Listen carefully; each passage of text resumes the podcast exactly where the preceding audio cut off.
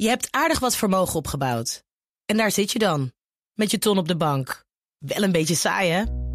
Wil jij, als belegger, onderdeel zijn van het verleden of van de toekomst? Bridgefund is een slimme fintech die een brug slaat tussen de financiële behoeften van ondernemers en van beleggers. Dus wie belegt bij Bridgefund krijgt niet alleen een mooie vaste rente, maar brengt ook ondernemers in beweging. Echt waar, met die ton kan je zoveel betere dingen doen. Bridgefund. Make money smile. This Houston, contact with a test one. Touchdown confirmed.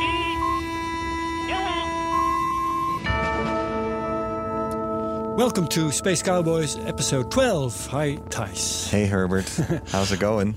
It's great. Yeah. You too? Yeah, doing wonderfully, actually. Yeah, it's really great. And I love the topic that we're going to talk about today.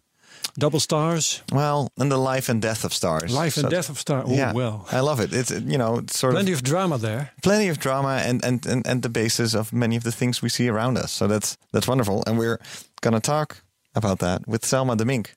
Selma, welcome. Hi, Thijs. Hi. uh, you do many things, and we're going to give you a large introduction later, but you're an assistant professor at the Anton Pannekoek Institute at the University of Amsterdam. Associate. Associate, associate, not assistant, associate professor. That's subtle. That, that means that, that is a big difference. It's a, what is the difference? An Actually. assistant professor doesn't have a permanent contract, so uh, Uh-huh. an associate professor can stay for life. So And you can. I can. Congratulations. Good. Good for you. yeah, and you've been winning so many things that you can do the research you want, right? Well, yes, the topic I work on has become very popular lately, not just uh, uh, by our efforts. Sometimes luck is involved in astronomy, but Oh, big discoveries have been made, and that helps to get money for Yeah. the research you want to do. I'll bet. And your topic is, in your own words, Uh, I work on massive stars, and especially I want to understand how they die, leave black holes. And the reason why this has become very popular is that black holes can also produce gravitational waves if there's two of them that collide and merge together. and we have discovered those. Uh, well, not me, but And not me. and Not you, defi- right. Definitely not me. there's Definitely a large collaboration of amazing scientists in both the US and Europe, and actually worldwide, that build an incredibly, insanely sensitive detector uh, that can do such accurate measurements that it can measure ripples in space time. LIGO. LIGO and Virgo at uh, these days, but Mm-hmm. the first discovery was by LIGO. Yeah, Yeah, great, great. Sounds interesting. Yeah, definitely. So we're going to talk about that this episode, and it's and it's great. But first, we're going to go to our stories of the week to see uh, what's been happening. Nice. Herbert, I still have no clue what your story of the week is.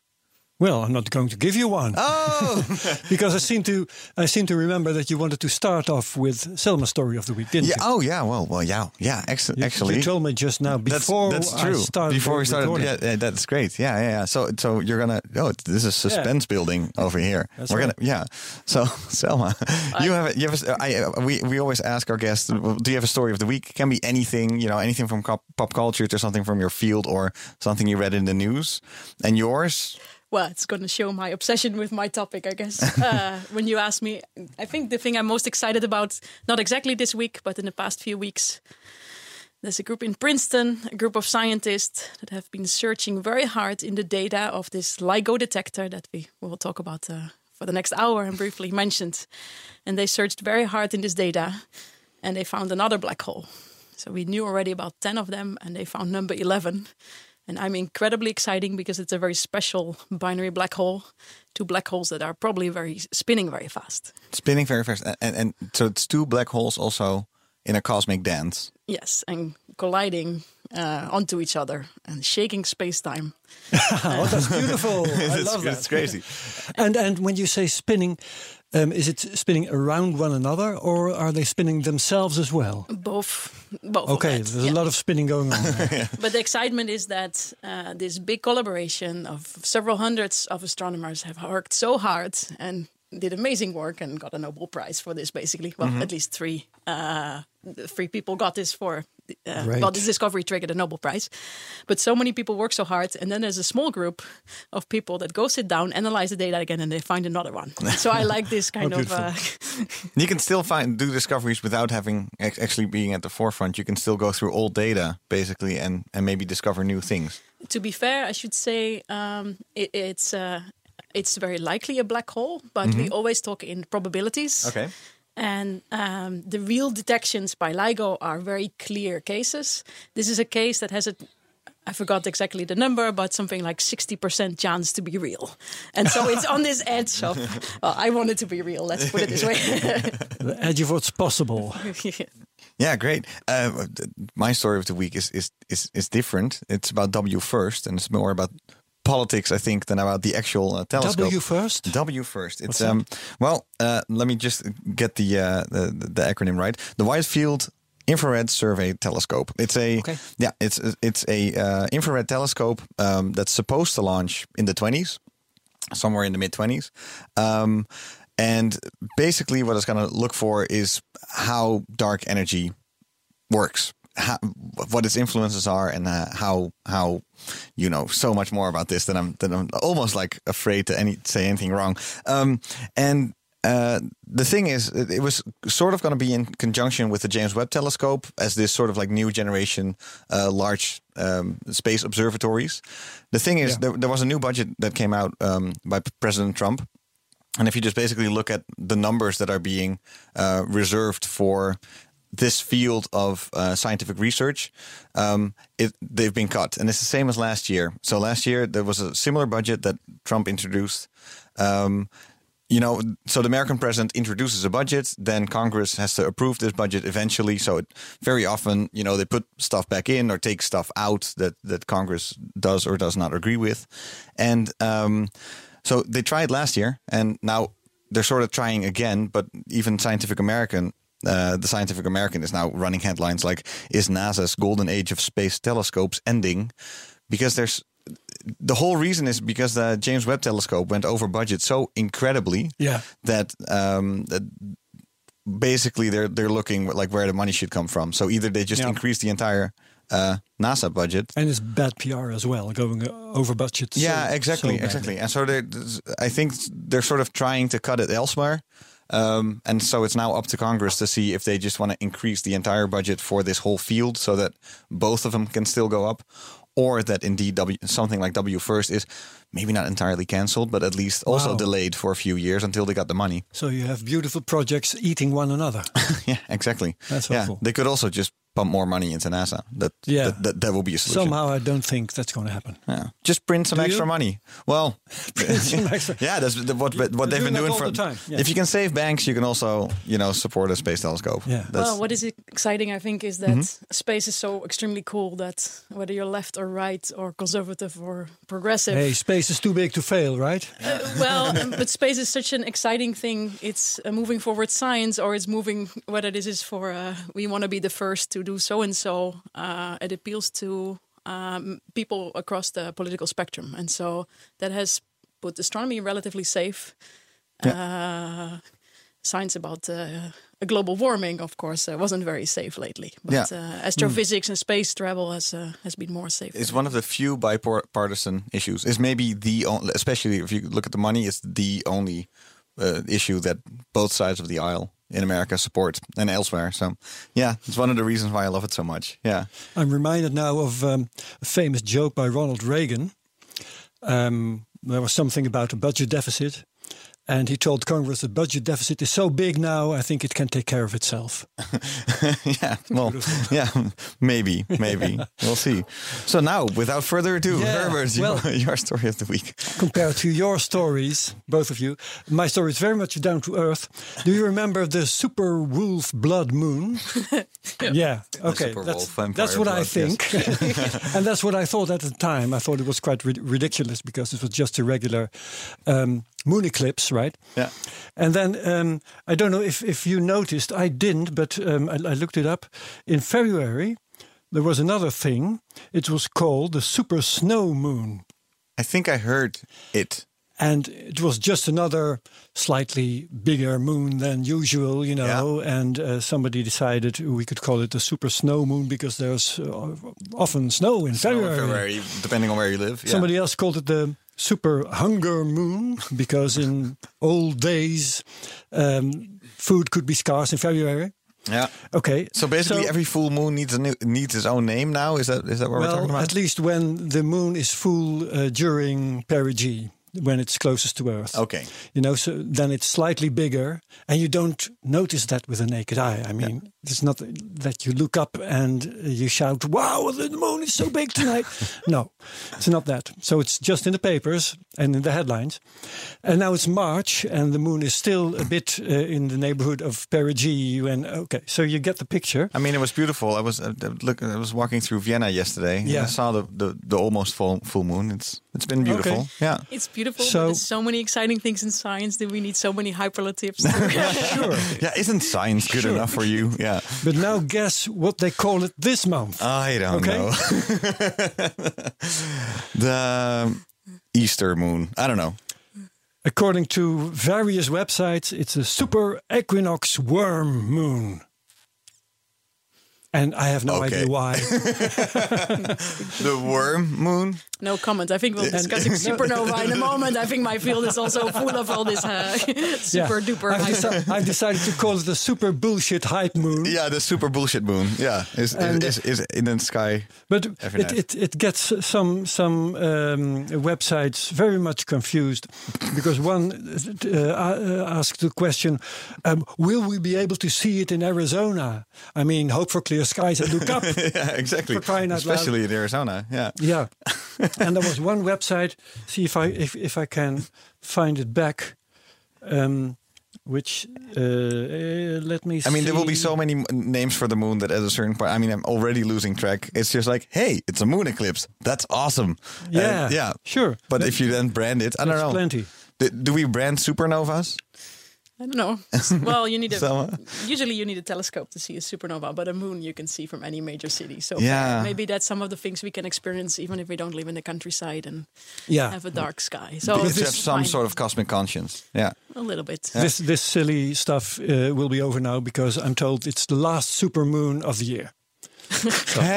Finally. Well, and with that, That's my story of the week. yeah. Well, thank you, Herbert.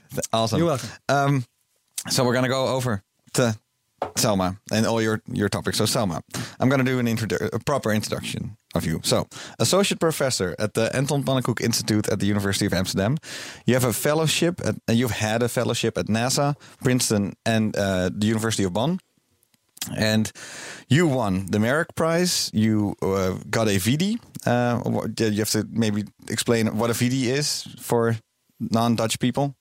It's an award, uh, a Dutch award to uh, support research groups here, and it allows you to uh, uh, either start building a team of maybe uh, two PhD students and a postdoc, so you can start really start your research group. Yeah. That's nice. and you are an Aspasia laureate. And you also did both your BAs and your masters and your PhD cum laude, which is like what the hell. and uh, Selma, if I if I if I understand correctly, you are now in a position where you can basically do the research that you want. Um, you you can formulate your own. Uh, your own questions and you're smiling ear to ear because Well, yeah. Yeah. if I'm not distracted by uh, overload of emails and service tasks and teaching, which I really enjoy. But yes, Mm-hmm. yeah, we always want more time for teaching for uh, for research. Can I do the research I want? Uh, usually, I'm behind on all the things that I. yeah exactly yeah so so what is what what are your But main yes, I get paid for working on amazing things, stars that die in a computer. Uh, so I'm a theoretical astrophysicist. So uh, people often ask me, "Do you look through a telescope?" Well, no, I don't do that. But I send computer programs to, uh, well, sometimes on a small computer, but sometimes we send it to a, a supercomputer to compute and try to uh, predict what these stars will do during their lives. And well, this is a pretty old field, and so this is one of the ways that we learned what the sun is likely going to do at some point. The sun now is relatively quiet. It's flaring a bit, and uh, maybe that gives some trouble with our mobile phones once in a while. But overall, it's very, very stable, and it has been for so many years that life could actually develop on Earth. And why is it so stable? That's because deep inside there's a nuclear reactor going on that's powering the sun, fusing hydrogen into helium. But one day it will run out of fuel, right? Uh, nuclear energy is also not uh, infinite. yeah when all when all the uh, hydrogen is gone When all the hydrogen in the center is gone, uh, it needs to think of something else. Uh, and the center will consist of helium and will start to contract. And when the center of the star starts to contract, the outside will respond to that by expanding. Mm-hmm. That's something we I was teaching this morning to my students in class. Why that is, you can write down the equations. It's it's not so easy to understand. Mm-hmm. But so we know that stars will expand and become bigger and bigger and become what we call red giants eventually. That's so our sun will become a red giant. A red giant. How how big will it become? It will be so big that we are not safe here at Earth. Right? It will be bigger than the Earth's orbit. So we So will. Elon Musk is right. We need to leave need this to place. go. we need to leave this place. Well, we How, how much time do we have left? We have a couple of billion years left. A couple of billion. In that time, the planet formed. Life uh, started from basically nothing to what we have now. We can, I, I think, we have time to evolve into something uh, more sophisticated, or yeah. Plenty of time to kill ourselves. Or- with Or to kill ourselves, or to something. leave. But I, Yeah, yeah. I once heard there was like one billion before it starts to run out of hydrogen. Uh, it's a, a few giga years are left. But it starts to slowly change. A giga year is a billion uh, years. Ten to Oh, the nine. yeah, yeah, okay. Yeah, yes. Um, in, And- in Dutch, we have different words for this, which are not mixing with the. I English like the word giga year. Yeah, I like giga Giga that. year, I'm, yeah. I'm although sure I do it right. So I it's think not we're in, going to it's not use within one giga year that the sun will start expanding. It's more than that. it slowly starts to expand over the next giga years, and maybe that's already harmful for life. I Okay. don't, I don't quite know, but the real drama is in uh, about uh, four giga years. Okay, so we're basically halfway ish Yes, concerning the Earth. We're, we're okay. yeah. We're as far as. Earth goes, As far as Earth goes? human civili- civilization goes, we have uh, lots of time left because Yeah, we're only there. We've only been there for uh, hundred thousand years or something. So, yeah. Well, human life. Yeah, of Yeah. course. So, okay. Well, So give us some time and then we'll leave. that times uh, four four thousand, forty thousand or something, and you're in the giga year, your four giga year range. Yeah, yeah, yeah. Okay, Yeah. so okay, so so that's fine.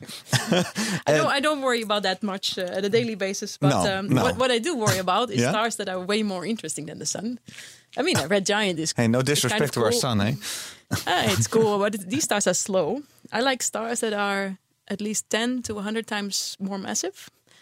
And they can be a thousand to a million times brighter than the sun. And they live much shorter lives. They're, they're very bright, so they, they shine at a much higher rate. And shining, that means losing energy. That also means it needs, in the center, it needs to burn much faster. And even though it has a bit more fuel because it's more massive, it's it's burning at such a high rate that these lives of these stars are just just millions of years. Right? Uh, really? So millions of years is very short. Can, for can I Super ask you a short, question yeah. concerning uh, cause and effect? You, you tell me um, it shines very intensely, so it needs to burn energy. I would say it's burning energy at a high rate, and therefore it shines very intensely. no, ah, that's a complicated one. That will be an exam question, I think. Oh, for my students, it's, Okay, it, shine, wow. it shines because it's hot. Anything is that is hot shines. Actually, we All are right. shining as well. We're shining in uh, in uh, yeah, infrared. Yeah, infrared. You can see this with a camera that a fireman That's would true, use. So any body that has a temperature shines. So do stars.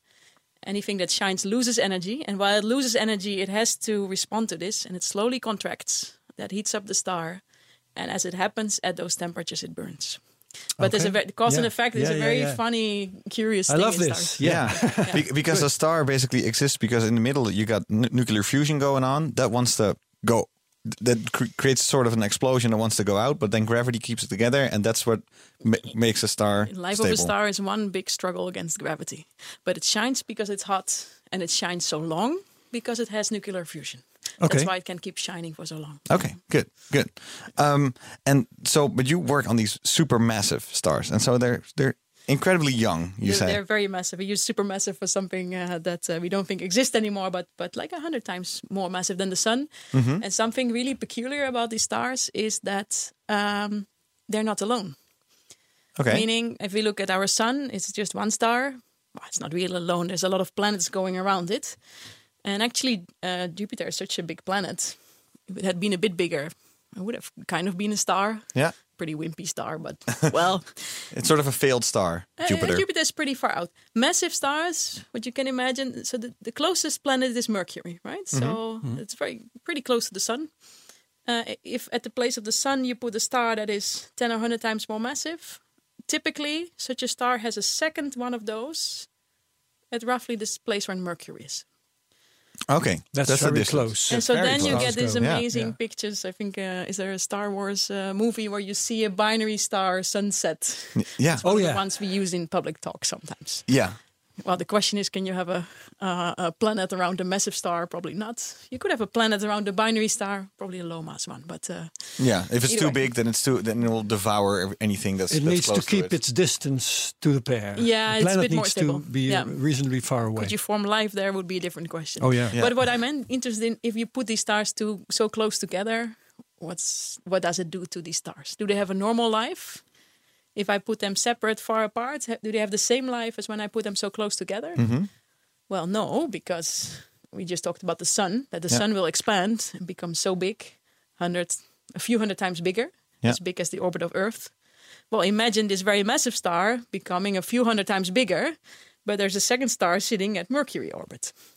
Right? That's gonna give trouble for sure. crazy things will start to happen. Yeah. Yeah. First, uh, before we start talking about these crazy things that can happen, so I can get a little bit of a grasp of uh, of it.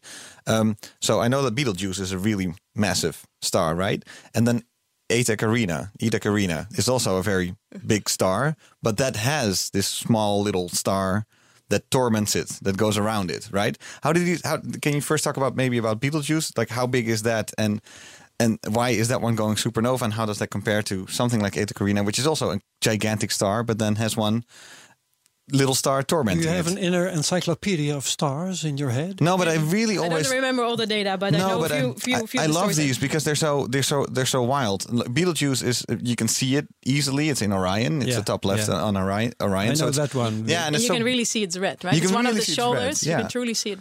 Yeah, so, so- that is a red supergiant. That's Yeah. even bigger than the sun will be. It's the red, sun will become a red giant. This will be a red supergiant. So I'll, I'll, exactly. I'll, I'll, I'll give you credit for your super duper moon. exactly. and, and one second, because I, I, what I loved about them is I think because they're so, b- besides that they're so visible, they're also about to go supernova. So I'm sort of secretly waiting, like maybe in my lifetime, we'll, Watch in hand. yeah, we'll, we'll, we'll, Is it we'll- exploding yet? yeah, is it exploding? yet? exactly. So that's that's the reason why I sort of know about these two because I just I just love them. Yeah, and you can and you can point Betelgeuse out. Sorry. What was your question again? Well, Uh, it might so have how do, how do they come? How do they? How does a super giant uh, star like Betelgeuse and and to also just kind of talk about these two stars? How does one co- compare that does not have this tormenting little star that goes around it, and how um, it compares with one that does? Well, you know, maybe Betelgeuse already ate its companion, and it's a melted version of two of them. I forgot Yeah. if Betelgeuse. Some of these stars they are moving around, and I, I think that was the case with Betelgeuse as well. Is that was there a bow shock around Betelgeuse? Maybe I'm know. mixing up two stars now, so I, don't have know. to be careful. You didn't prepare me for yeah, exactly. so sometimes you can still see the after effect of uh, of maybe it as a star that's being devoured, so it still wobbles or something. It's hard to see if it really has devoured the other star. Then it's tough to know that because Okay. the star will find a new equilibrium, fighting Yeah. against gravity. Yeah. then the interior might be different. But do you see this in the outside? We don't quite know. Yeah. If it once had a companion and it kind of got rid of this companion, Mm-hmm. the, the system broke up, then uh, this star can run away. Yeah. And I'm not remembering sharply now, and I really should, but Mm-hmm. I think there is a bow shock uh, near Be- Betelgeuse. Meaning, But I'm hoping I'm not mixing up with what, what would that mean if you that see a bow shock? that, well, when you get a bow shock, that is Something when you move very fast Mm-hmm. compared to the medium that you're moving in. And so this this this red supergiant has a wind, and this wind has particles coming off and flowing away from the star, but is crashing into the little bit of particles that are in space. Yeah. Space is not fully empty. We call this the interstellar medium. Mm-hmm. It's very low density, it's almost nothing, but not fully nothing. And so if this wind blows into, it's a bit like a boat going through water, right? You also get a bow, Oh yeah, uh, bow yeah. shock around. Yeah, exactly. And maybe before we continue, it's good to know something like Betelgeuse will go supernova, and what a supernova then is. What happens in a supernova? Ah, but uh, first, it might have already gone supernova. Oh, of course. It's so far away. Maybe the information is still traveling towards us, That's, right? that's Oh, true. yeah, that's yeah. true. Yeah, But okay, so what's a supernova? So these stars they burn in their centers hydrogen first into helium. That's a heavier element. And what then can you do? The star can contract further and get hotter and hotter. And at some point, you can burn helium into carbon and oxygen. And that's really the carbon and oxygen that that well you can uh, take a deep breath. We are stardust. That is that is truly the oxygen that was once made in these stars. The question is, how does it get out of these stars, right? So uh, we know stars make it, but how does it get out? And so it doesn't stop at oxygen. Oxygen can still burn further, but it does stop around iron or so. Iron is a pretty heavy element, If you uh, remember your chemistry uh, class on all the periodic table, there's many more massive elements, but they you don't get any energy anymore. Iron is the most stable element, and you cannot smash two iron atoms together. Well, you could, but then you will just break up, and it will uh, take It will energy. cost. uh, yeah, It will yeah, cost energy. right. Yeah. So you you basically stop at iron. Fusion stops at iron. Yeah. Um, So but the inside rapidly becomes almost like an iron ball. yeah. Okay. Uh, It's super gigantic. Um, yeah. Can't collapse e- even further. well, uh, as it turns out, Okay. uh, iron looks like something strong, but if you put enough of it together, the weight is so heavy that it cannot support its own weight and it will collapse under its own weight. And this is something, well, the technical term is a degenerate material. And so it's very hard for this ball of iron to have enough pressure to not collapse under its own weight if it's more massive than a certain mass. Which we call the Chandra, Chandrasekhar mass, which is actually uh, my lecture of this morning uh, at the university. Oh university. wow! But, uh, We're just re- re- redoing your lecture of this morning. well, without getting technical, it's, it's you can imagine that there's a certain mass that it cannot support itself. Um, Chandrasekhar was an Indian uh, scientist who was uh, 20 years old, uh, traveling by boat from India to uh, to the UK, and he worked this out. He has two books with him: Eddington's book on the internal constitution of stars, and the second book on relativistic, well, on on on uh, on electrons. And that's the only two books he had, and he put these two together, and then it's a very well, for university students, it's a relatively simple exercise to work out what is the maximum mass of such a star. And uh, there's a very nice interview with him. Like, uh, did you really understand uh, how important it was? And he says, yeah, he understood, but he had a lot of criticism from the people uh, around him, because why would something collapse to to what? To a point? Yeah. And so this is something it's very profound, right? So you have material that is sort of things that we know, like iron, and it would collapse to something that we don't know, to densities that we have never thought of. And so now we know that it would collapse to something that we call a neutron star. Oh.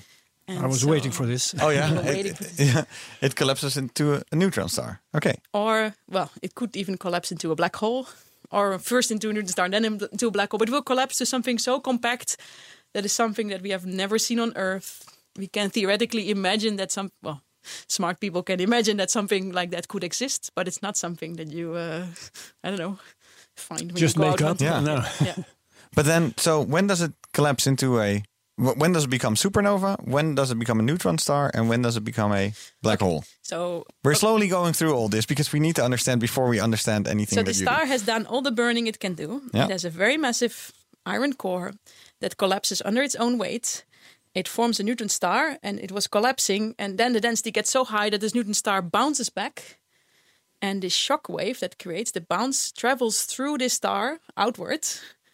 And well, actually, there's a few things we don't know how this happens, but apparently, this shock wave and maybe even neutrinos can help then to um, for the shock wave for the outer parts of the star to be expelled from the star, and that creates a lot of light.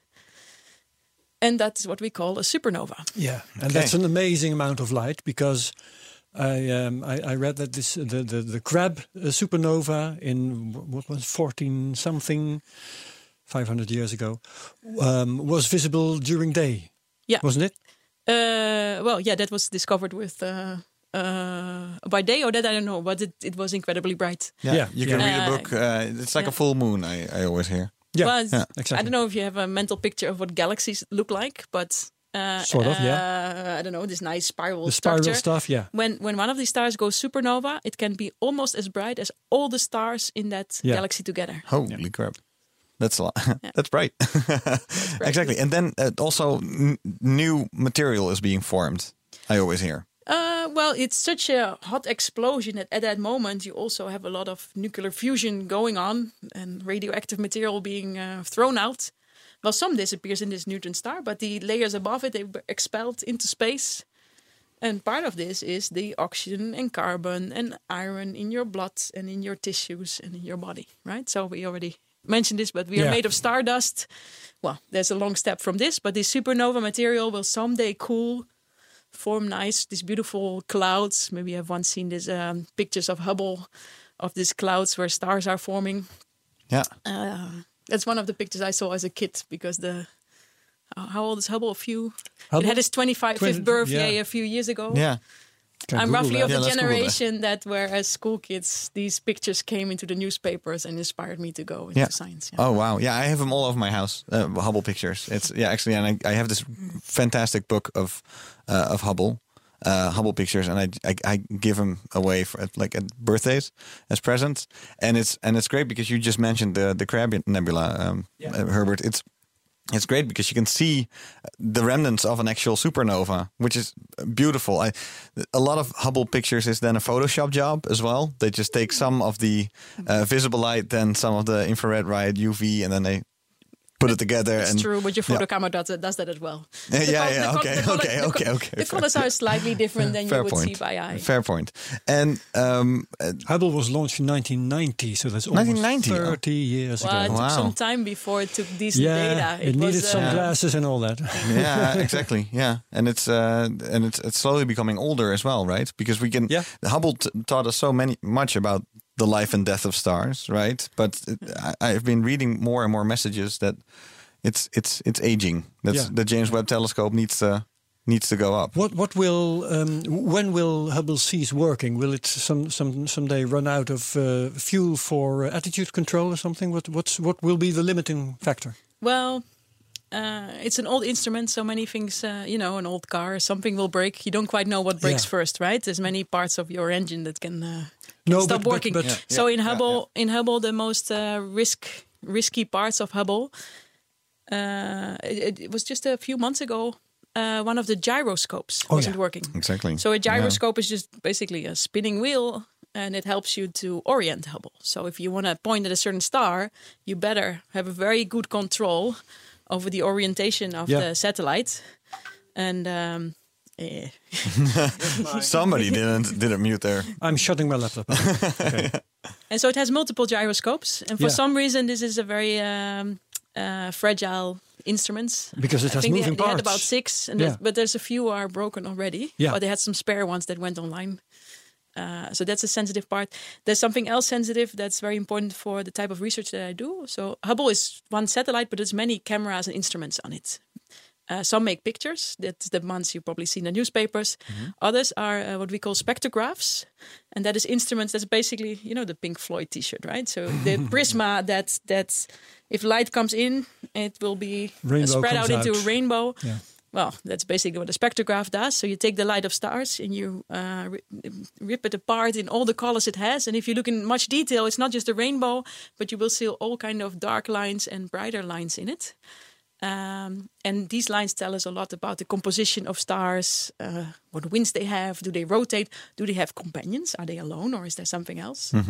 And that's how we know that these supernovas make all these different elements because we can just look at, at it and Uh, we yeah. suddenly see Yeah, what just what looking at the colors would not be enough. It helps a lot that we can take spectra, Yeah. not just with Hubble. Exactly. And so I'm going back to. The, I still have two questions open. So what's the difference between a, a regular normal star and one that has a companion? The other one is when does a when does one go supernova? We uh, we just answered that. And so when does it go to a neutron star, and when does when will it become a black hole? Oh well, I wish I I wish we knew. Most okay.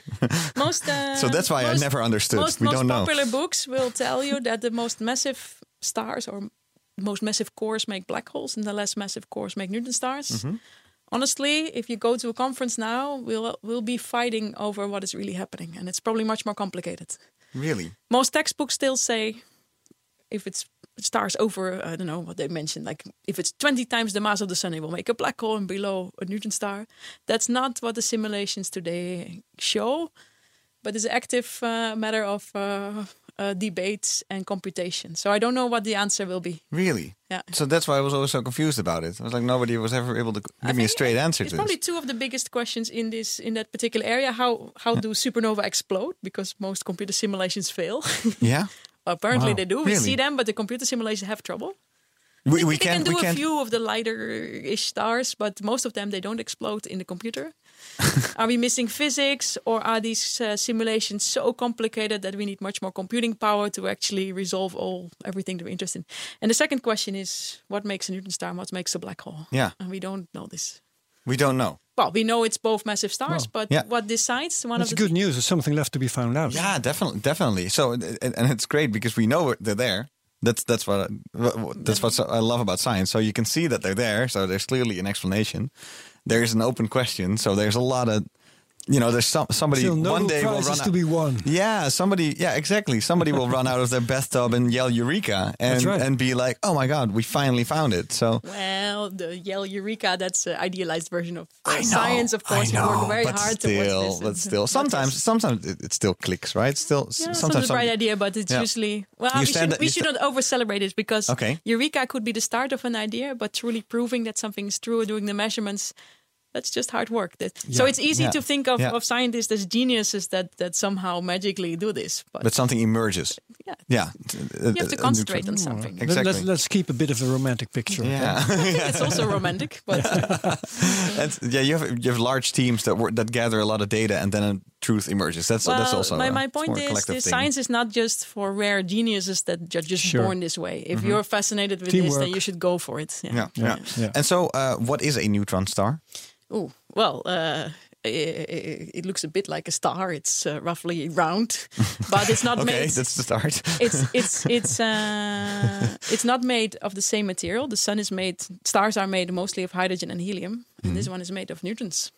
And it's crazy small, Neutrons. right? Okay. Yeah, about ten kilometers in size. 10, kil- 10, 10 kilometers. Really crazy like- small. So That's it's it's like the- the size of Amsterdam. Asteroid size, yeah. Yeah, so you should really think of of a core of a star that is more massive than the sun. So think of the sun. Yeah. Try to compress it into something that fits in the city of Of Amsterdam. yeah.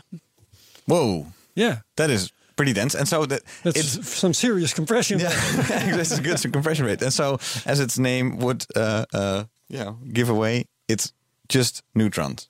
Well, maybe some tiny things at the surface. Yeah, something else. Yeah, and these neutron stars. That's not So my where have the protons? but And, where have the protons and electrons gone? oh, the electrons were uh, Expelled during the. no, the electrons and the protons were pressed together to make neutrons. Ah. But there's a That's colleague that of mine you should invite to talk about Yeah, what happens no, okay, inside. okay, You can talk okay. about nuclear pasta Okay. and, and things. And then a black hole. uh, People. Black hole Yeah, is, is yeah. if a neutron star is too massive. Yeah. So, um, so either the core of the star is so massive that directly it falls um, into a black hole, or it's, there's first a neutron star and then this neutron star is too massive.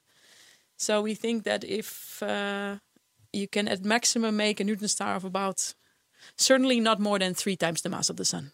Okay. The most massive one we have seen is about two times the mass of the sun. And so we're fighting still where where's the real maximum. Above three uh, three times the mass of the sun, there's a theoretical limit that we're all agreeing with. And below that, people are really trying to find. You still have a chance. Okay. Wow. Well, there's, we, we can really learn something about the theory if you find neutron stars there. Wow. Okay. Okay. so we got a lot of ground covered here. So Whoa. I, I'm happy. I, I, I, my understanding is, is has gigantically bigger. before. Yeah, I'm super happy. like I'm finally have someone to ask all these questions to. It's great.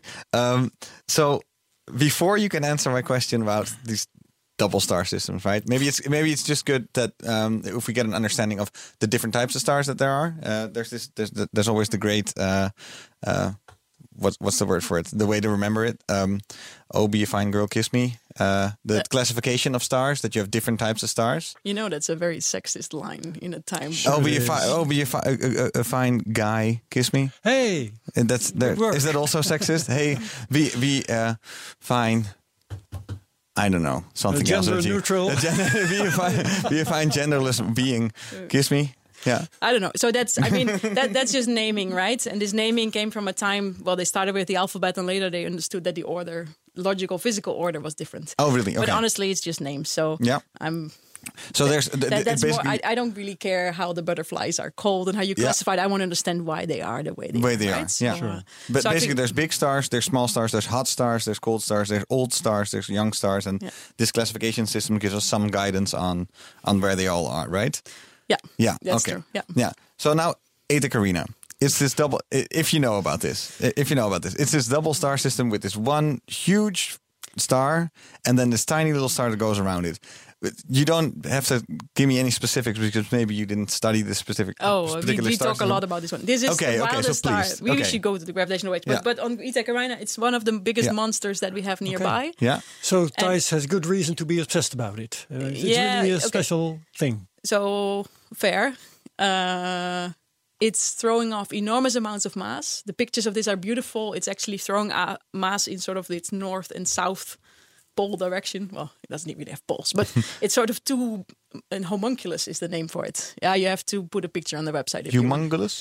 It's uh, It's a little guy. homunculus, homunculus? like a Okay. peanut size. Okay. And so Ah. it, it has thrown off many, many solar masses of mass. Um, there's a big debate why it's doing this. Maybe the most massive stars are just very unstable things. Uh, yes, there is a second star. Honestly, I think that was the third star. if you know where I'm going. So uh, it's very hard to make such a massive star. And some of the ideas is that Eta Carina itself used to be two stars that melted together became this crazy thing that is spinning and throwing off all this material. And that the third star that's still there, it probably played a role for these inner two stars to actually come together. But this third star, you know, yes, they call it the binary star, but it's far out. Yeah. It's not what I was talking about before. You know, I was talking about massive stars and the second star being as close as the orbit of Mercury. But That's very close. This that that would be it would take a few days for these stars to go around each other. The companion of Eta Carina takes five years. Oh, okay. I don't even call that a companion. I mean, it happens to be there, but it doesn't. So that's about about the size uh, Jupiter orbit. Uh, well, the masses are different, so uh, my Kepler's Okay. law is not uh, as good to do this, but uh, it's uh, relatively far. Yeah. Yeah. So you study binary star, star systems. Um, what I actually love is that if you go to the Wikipedia page of a binary star, the first animation you see over there is an animation that comes from your research. Oh, really? That's, Yeah, that's, it's- that's, that, I'm really flattered. It's, it's this one, right? This is the one. Wow. Yeah. Yeah, exactly. Exactly. Well, yes, that's. You didn't know. That's fine. Yeah. I didn't know that was. Yeah, exactly. So, um, uh, just I don't know what to ask. Tell me about binary stars. binary stars they're Yeah. everywhere uh i don't know maybe the coolest well the closest to bring it close to earth we were talking about the moon what can you see it's hard to see these binary stars um but if you want to find one most people can find the i can i don't know many of the um, uh signs in the stars uh, but i can find the big dipper right anyone can and so th- it's the pen and the handle. And the handle is three stars, right? And the pen is four stars. So the middle of the three in the handle, if you look very carefully, it's not one star, but it's actually two. And it used to. The story goes that for a I mean, while you- it you was can a see test. this with the this, naked this you can see with the naked Okay, eye. yeah. And for a while, I don't know if this story is true, but it would be a test of how good your eyesight is. I can imagine. Uh, yeah. yeah. Yeah, Well, you I need heard that. I, not so I- I- well. I always fail. Yeah. and so that's a very wide system, so wide that we can actually see it, but they're physically bound. So they're actually close together. Yeah, so Not, not just an illusion. Mm, relatively close, not as close as I want them to be to do all kind of fun things, but they are what they call gravitationally bound. Yeah. So they mm-hmm. stay together because they are close enough to feel each other's gravity more than of all other stars in the galaxy. And so later with telescopes, people zoomed in, and so I uh, I didn't prepare this either, so I, I uh, haven't looked this up. But both of these stars, I think one is actually a binary star itself. You can't see this by eye, but you can see this with a telescope. For example, if you take this uh, Pink Floyd Prisma thing and uh, Yeah, uh, you can start to look at yeah. Yeah. yeah, you can. If these stars go around each other, you Mm-hmm. can see the Doppler effect of this, right? The same as uh, a fire truck passes by. If it's coming, it, the pitch is higher. If it goes, the pitch is lower. and that same happens with light. And this uh, Doppler effect in light, we can see that in color. So you would see the lines of the star shifting to the red and the blue, and the red and the blue. Mm-hmm. So one of these is a double star, and the other is actually two double stars. So I thought it was six stars in total. Wow. Um, I might be one Oh, wow. off, one off, but uh, Yeah, I was pretty surprised that a, a few years ago when I got into car- stargazing, that every other star turned out to be a binary star system. It's like we always thought it was one, but actually it turned out there's two. So this is very common, and we, we're not really used to this because we have this uh, what is it? This egocentric idea that where we live is normal and our sun is single. Mm-hmm. Uh, but most stars have a companion, and these massive Most stars. Most Stars. stars. Yeah. Wow. Okay. Oh, okay. Uh, depending on how wide you would account count for as a companion, Mm-hmm. massive stars have companions that are very very close, so close that their lives will be influenced. Meaning the companion is so close that these stars don't have the space to become red giants. They will start to, I don't know, Okay. eat their companion or flow, have mass flows from the Presence of the companion Yeah. um, influences the evolution of the star the itself. life and how it will die. Yeah. Yeah. So for massive stars, that is happening for the majority. For stars like the sun, binaries are also very common, but they're usually a bit farther out. So Far enough to maybe uh, harm their planets or something, but not necessarily to. Uh, yeah. And so, the, how do they behave? These these binary star systems. Well, they turn around each other for a long time.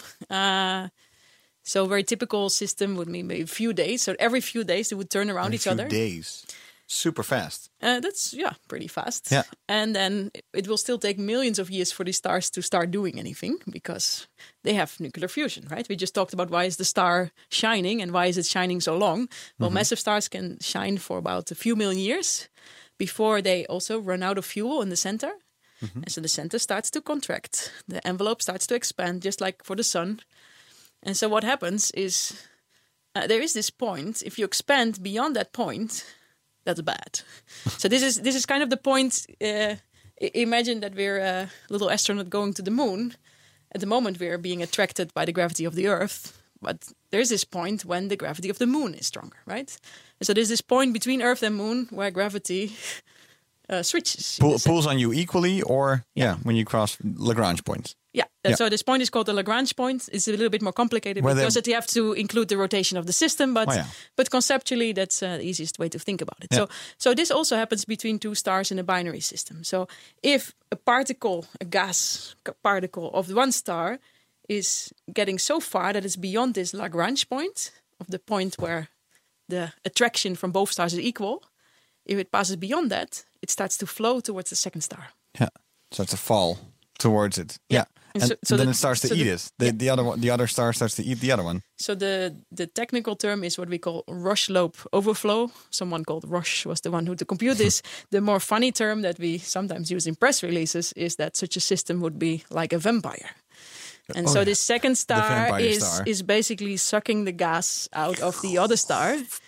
And the analogy is not so bad. So the second star gets all fresh gas from the outer layers of the first star. Life energy. And that is f- fresh fuel. Mass is fuel for the stars, right? E is mc squared.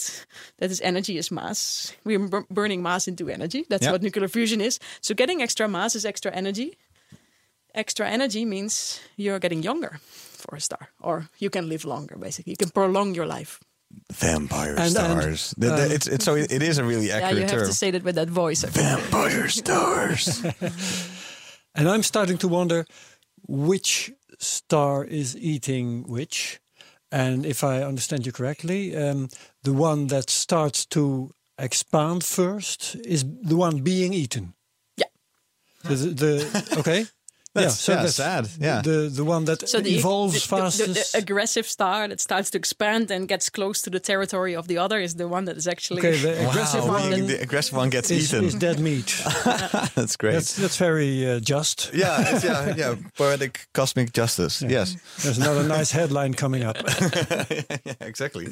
Uh, and and so then what happens? Well, at, at a certain point, I can imagine that. Um, well, what first what I find interesting is that you sometimes already know that like, well, I think it's actually the third star instead of the second star. So it seems like a lot of these binary star systems might have actually been three or maybe even four stars all eating each other, and now there's like two left, and then eventually. How will this continue? Will they then become one, or how, how, what, what? What are the next steps? Uh, it depends on how far were these stars apart. Uh, if they're further apart, uh, it takes longer. The stars are a bit older by the time they start to uh, bother each other.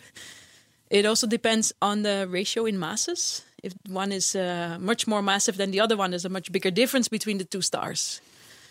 And well, this is actually also open questions. That's really something we work on in my research group. Okay. And so we're trying to understand. But if, to simplify it, maybe one of two things can happen. Either you start to flow mass to the other star and it is unstable, and a runaway process will start and it will engulf the other star and basically eat it, and the two stars will merge into one. So either you merge. The second is, and I showed you a little movie uh, of this, and that's the one I think is on the Wikipedia That's on site. Wikipedia, so we'll go That- to that- Wikipedia the, for binary star. That's the, rel- the better outcome. It's this couple, so this very massive, aggressive star, if you want, is giving its envelope to the second star. But what is left is the core of this star. And so the core of the star will keep turning circles or orbits around this because compact- it's back inside this dangerous limit yeah. w- where beyond which it's uh, it, it will be eaten but it retreats because it's uh, sucked empty Sucked yeah, dry. the only thing that is left is is the center of the star, which has Yeah. been burned into helium, and helium is much more compact than hydrogen. And so, But doesn't that burn itself up then as well? uh, yes, in the center, this star will keep burning, Yeah. depending a bit on its mass. But Yeah. so, and helium will well, we talked about this. We'll go into carbon, Yeah. go into oxygen, and so someday into iron, into too much iron, it will collapse. Supernova. supernova, and will blast the second, the young, the now younger star, out of existence. Mm, no, uh, I think they usually. It, it, It, it sounds very dramatic, right? A If- last if, punch. two stars close together and one explodes, yeah, sounds computer simulations. Honestly, we have to see what nature does. But computer simulations say that is not so dramatic for these stars. You can blow off a little bit of the material. Only when you happen to have them super, super close at this moment, it can be dramatic. But uh, this star is relatively okay to uh, for this blast to pass by. But it forms a neutron star. This is the one that dies, and this neutron star is not gonna sit still. Usually, this explosion is a bit asymmetric, and so a bit of the material is uh, thrown to the left. And so, what this neutron star has to do is going to the right. Right? This is uh, Newton's law. uh, if you throw material to one side, you have to respond. Uh, uh, that's how uh, rockets work, right? Yeah. And so that also happens in a supernova explosion. So these neutron stars are born with what we call, even in scientific terms, a kick, just like a kicking, Kickstarter. kicking a ball yeah. or an, a birth kick. okay. And so they are born with high speeds.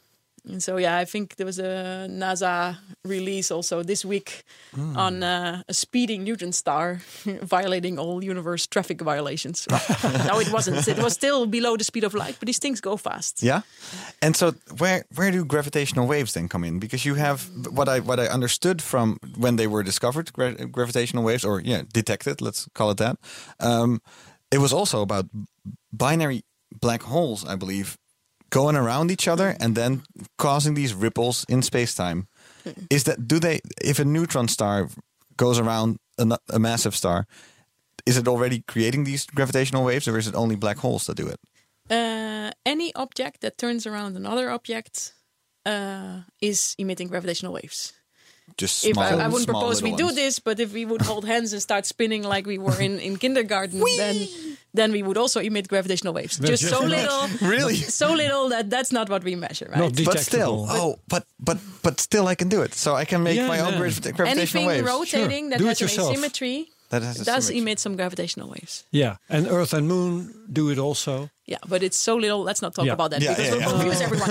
so, so when can we detect this? It's so so hard to detect. Yeah. But you need very very strong gravitational waves, and that happens if two things rotate around each other that are very massive, mm-hmm. like neutron stars, do it or fast. preferably black holes, and do it incredibly fast.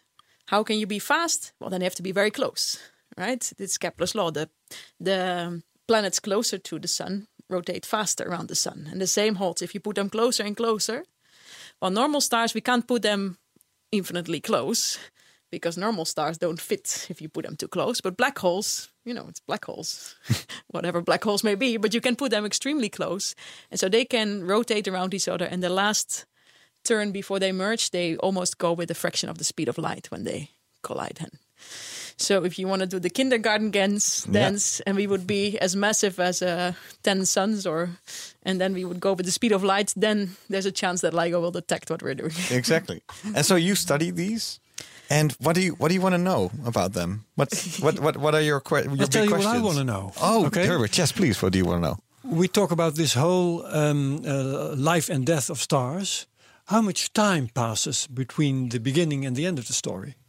Uh, for massive stars, not much for astronomers, meaning a few million of years. Okay, yeah. I mean, that's a lot for humans, but for stars, that is little. And that's the shortest time span. Oh, that, that that is the time from from having a star to an explosion. yeah. But an explosion will give you one neutron star or one black hole. So now we still have to wait. Let, let's say they're lucky enough to be in a binary system. We still have to wait for this other star to die and explode. And we talked about these kicks, right? We need this neutron star not to speed away from the other star. We need to stay close. And so roughly, I don't know, one out of a thousand massive stars manages to have this. It's like a stellar marriage, right? Do these stars stay together? Everything, something dramatic happens, one of these stars will take off and fly away, and they basically divorce.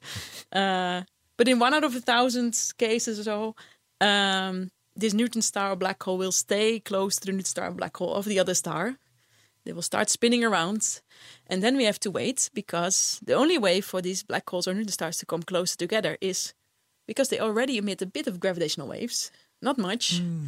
But the closer they get, the more gravitational, the stronger the gravitational waves are that they emit. And that mm-hmm. takes away energy. that takes away energy. Come on, Yeah. it takes energy to s- hmm. shake space time, right? So and that has to come from Sure, yeah, somewhere. and so this will uh, slowly spiral in, and slowly we go from millions of years for the stellar life to death, and then billions of years from having two neutron stars to actually spiral in. actually, it could be much longer, but if it's much Yeah. longer than billions of years, well, that's the age of our universe, right? So if it's Ah. much longer than that, maybe some uh, way, way future generation can see the gravitational wave, Okay, but not us. Wow. But that answers my question. What Yeah. kind of time scales are we Yeah. talking? Yeah. So, Yeah, so my question is, yeah, yeah, considering your research that's not now open ended, you can ask any, try to dive into any question that you can ask. What are your questions? So the well, there's so many questions. Yeah, I know. I see you think. Well, what I'm most yeah. excited about, I think, the the first gravitational wave event came from two black holes that were about 30 times the mass of the sun, and that was very heavy. Uh, most black holes, stellar mass black holes, we knew were about 10-ish solar masses. So how do we suddenly get a black hole that's three times more massive? And so, well, the first big surprise that we had this event in the first place. Most people were skeptical. We're never going to find anything, and then, and then it happens, and you see two black holes colliding onto each other. We have never seen such black holes before in other types of systems. And we had seen very few. And so these gravitational waves, they they really probe these remnants of stars in such a different way than we have done before. Yes, yeah, maybe we shouldn't be surprised that we start to find different things than we knew about, right? If you're going to explore a, a new country, you shouldn't be surprised that there's different birds and different. Uh, so this this uh, this exploratory part of science, and so we we suddenly have this new window on very different remnants of massive stars, and I want to know where did they come from? Did they come from these binary stars that I'm studying? Uh, how did they get, get these black holes so close? If these stars want to be red supergiants, how can they avoid eating their companion star before actually? How, how can they make sure they don't eat each other too early? I want them to merge, but first I want to to have them become two black holes, right? And so there's many people in the field studying this and having different ideas uh, on how to solve this problem. Yeah. I know you researched this by doing simulations. So um, now, now that you're telling us this, and I'm trying to picture this, you doing simulations, it starts to sound like a computer game. Is that is that sort of the idea? Do you, is that your experience as well? Yeah. Um, well, a computer game seems like it's a lot of luck, and you try and you try it until you're right. You can be a bit smarter, right? So it, it's a computer game I'm in sure the sense can. where you uh, where you really trying to you really start from the laws of physics, the things Yeah. that you hope really are true, and then you hope your computer simulations follow these laws of physics well. And it's not just simulations. Uh, what, what I contribute to the field are mostly the theoretical simulations, but we always work together with people that do the observations. Right? We briefly Yeah. before talked about the Hubble Space Telescope. Uh, that's very close to my heart, both because as a kid I was inspired by it, but also as a postdoc I was a fellow at the institute where all the data comes in from Hubble. And so, how do we learn? It's by comparing our computer simulations with the data that comes from, for example, the Hubble Space Telescope or other telescopes. And also now with the data that comes from gravitational waves, right? Yeah. So you try to think of the answer, and then eventually you try to match it to reality, so to speak, to so see where like you where you. uh, Einstein, who is reported to have said, uh, what, what if- what if the observations don't fit your theory? Is reported to have said, well, that will be too bad for the observations. Well, so uh, stars are very complicated things, and Hmm. we know that there's no complete theory. I mean, it's a bit like imagine being someone simulating the weather, right? Yeah. What is the? There's no complete theory of the weather. It's so complicated. There's so many variables, and so it's just a complex system with, well, in the technical terms, uh, there's a lot of microphysics. You know that your even your best computer cannot cover all. yeah. And with all respect to Einstein, he was thinking about very simple things in a way. Some of the jokes is what Yeah. is the simplest thing in physics? It's a black hole. Yeah, yeah. it becomes very messy. Neutron stars and stars are I would say, a lot more complicated than black holes. It's just they're a bit closer to our imagination because we know about the sun. We see the sun every day. When well, unless you live in Holland, where it's very cloudy. But and so whether we have intuition for something as a mundane objects doesn't make them less complicated. No, the, the, the comparison to the weather um, gives me an idea because I know uh, meteorologists uh, use a bunch of models and they compare them and, um, well, sort of let them vote and uh, do statistics on the models themselves and then tell us, okay, there's this probability that it'll- be rainy a week from now because half the models say so. Is that uh, an approach that you follow too?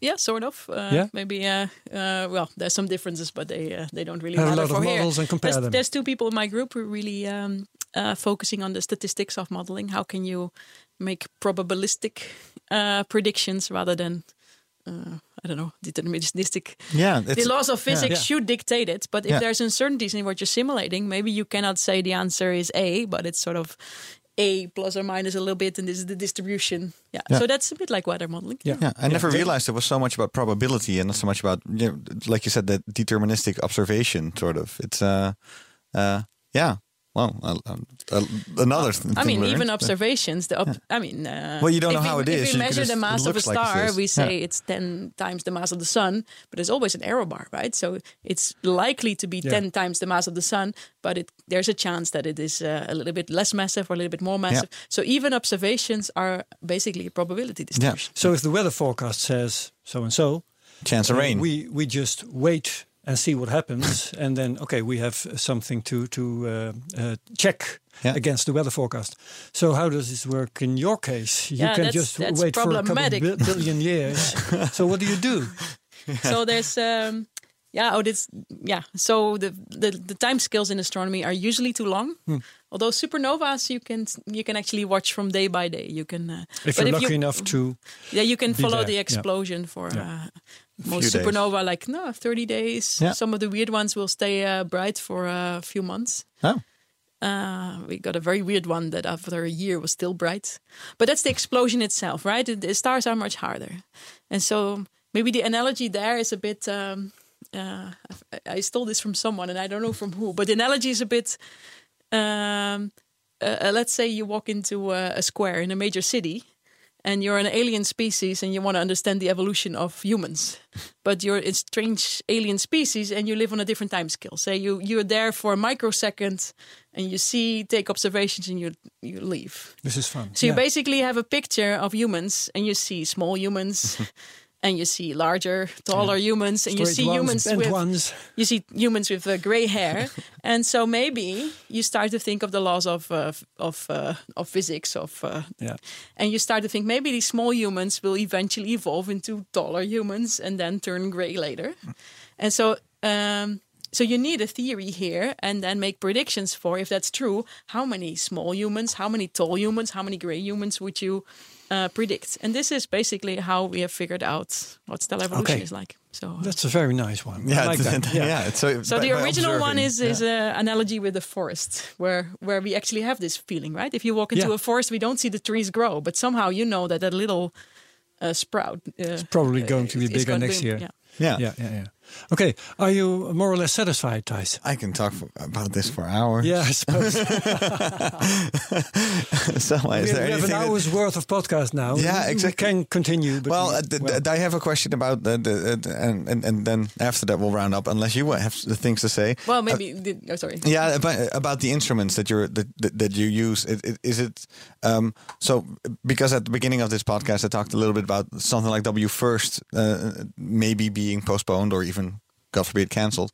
Um, which ones do you use, and how is how is that going? What, what's what's important for you? Which ones? Yeah, stars have such diverse lives and go through so many stages that there's uh, many different types of telescopes that are interesting for me. Uh, WFIRST can do a few things, but not the main. Uh, LIGO is very uh, exciting for me. Yeah, maybe that's a nice way to end this. So LIGO is the gravitational wave detector that found these ripples in space-time of two merging black holes. And so any moment now, it's switching on again. It was in a sort of a, a commission. What is the word for it? Not repair mode. They try to improve the instruments, yeah. and so they're coming back online. I guess they're already taking some data, but any day Okay. now. And so they will uh, take data for about uh, a couple of months to a year. And so the hope is that we find another neutron star merging, uh, maybe a few dozen more binary black holes. And Wow. hopefully, one, we actually hope that we find a neutron star and a black hole merging. And so this will happen over the coming months. And so uh, the most exciting things of this will certainly still hit the press. And that's something to watch out for. And uh, and think if you hear that it's not just ripples in space time. There was at least one or two. Sup- there was at least two supernova before this. One. For exactly. And this, so- I hope we can welcome you back sometime. Yeah, yeah, yeah. To come talk about what they found out, if you if you'd like to. So, thank yeah, thank you so much, Selma. This was great. This is yeah, and and so many questions that I had were answered finally, and Yeah. especially if it turns out that so many of the questions I have we simply don't have the answer to. That's also in a way very satisfying. It's like, is. It's not my own ignorant, ignorance. It's just it's, it's it's human ignorance. Yeah, about all these things left to Yeah. discover. Yeah. So good luck uh, with your research Thanks a lot. in the coming years. Yeah. Selma de Mink, yeah. thank you very much. Herbert, thank you so much. Yeah. well, it's been fun. Yeah, this was really fun. Who are you going to talk to next week? Um, good question. I don't think my laptop will be. Um, oh yeah, um, we will have. Um, no, I thought I thought I knew it, and Oh, I don't. We'll, we'll we'll we'll cut this out because I I have it here somewhere. Uh, It will be um, Michel van Baal Michel van Baal. Technical University Delft, and we're going to talk about PR in space. PR in space. Uh, So- Michel is, a, is is a fun guy. Yeah. Um, he's a space engineer, Yeah. first of all, and he works as the PR person of the Technical University. So he has a foot in both camps, so to speak. Yeah. And uh, So he can comment on the super wolf the- blood worm moon. Yeah, yeah, yeah. he knows all about that. We went full circle on that story as well. And Great. well, well space spaceflight is a very PR sensitive business. You know that. because things so can explode. No, because um, budgets are very sensitive to uh, to uh, publicity and stuff. Ah yeah. Publicity, um, image, you know. Um, so uh, that's that's why um, space uh, uh, big shots can be very itchy when journalists ask critical questions. I've, had, I've had some experience in that field. Oh yeah. Yeah. And uh, well, be, and and We're on gonna the put other the hand, fire to his feet. on the other hand, yeah, no, well, no, I think he can tell us some inside stories. But then again, I can do that too. but um, uh, the, on, the- on the other hand, I was going to say um, ESA and NASA, uh, of course, uh, are very uh, generous when it comes to publishing results. I mean, all photographic material, it's all f- uh, available free of rights and stuff. So, uh, on, on the one hand, uh, they give away a lot of information. On the other hand, they can be very difficult when uh, the information that you want to have as a journalist um, is not the information they want to supply. Ah yeah. Okay. Right. Well, So- all about that next week. Can be very interesting. yeah. Okay. Thank you so much. This Thank has you, been Herbert. Space Cowboys episode 12. Yeah. On to Thanks 13. everybody, and uh, we'll see you back next week. Yeah. Bye bye. Bye.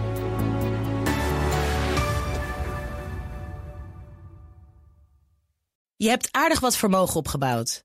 En daar zit je dan, met je ton op de bank. Wel een beetje saai, hè? Wil jij, als belegger, onderdeel zijn van het verleden of van de toekomst? Bridgefund is een slimme fintech die een brug slaat tussen de financiële behoeften van ondernemers en van beleggers. Dus wie belegt bij Bridgefund krijgt niet alleen een mooie vaste rente, maar brengt ook ondernemers in beweging. Echt waar, met die ton kan je zoveel betere dingen doen. Bridgefund. Make money smile.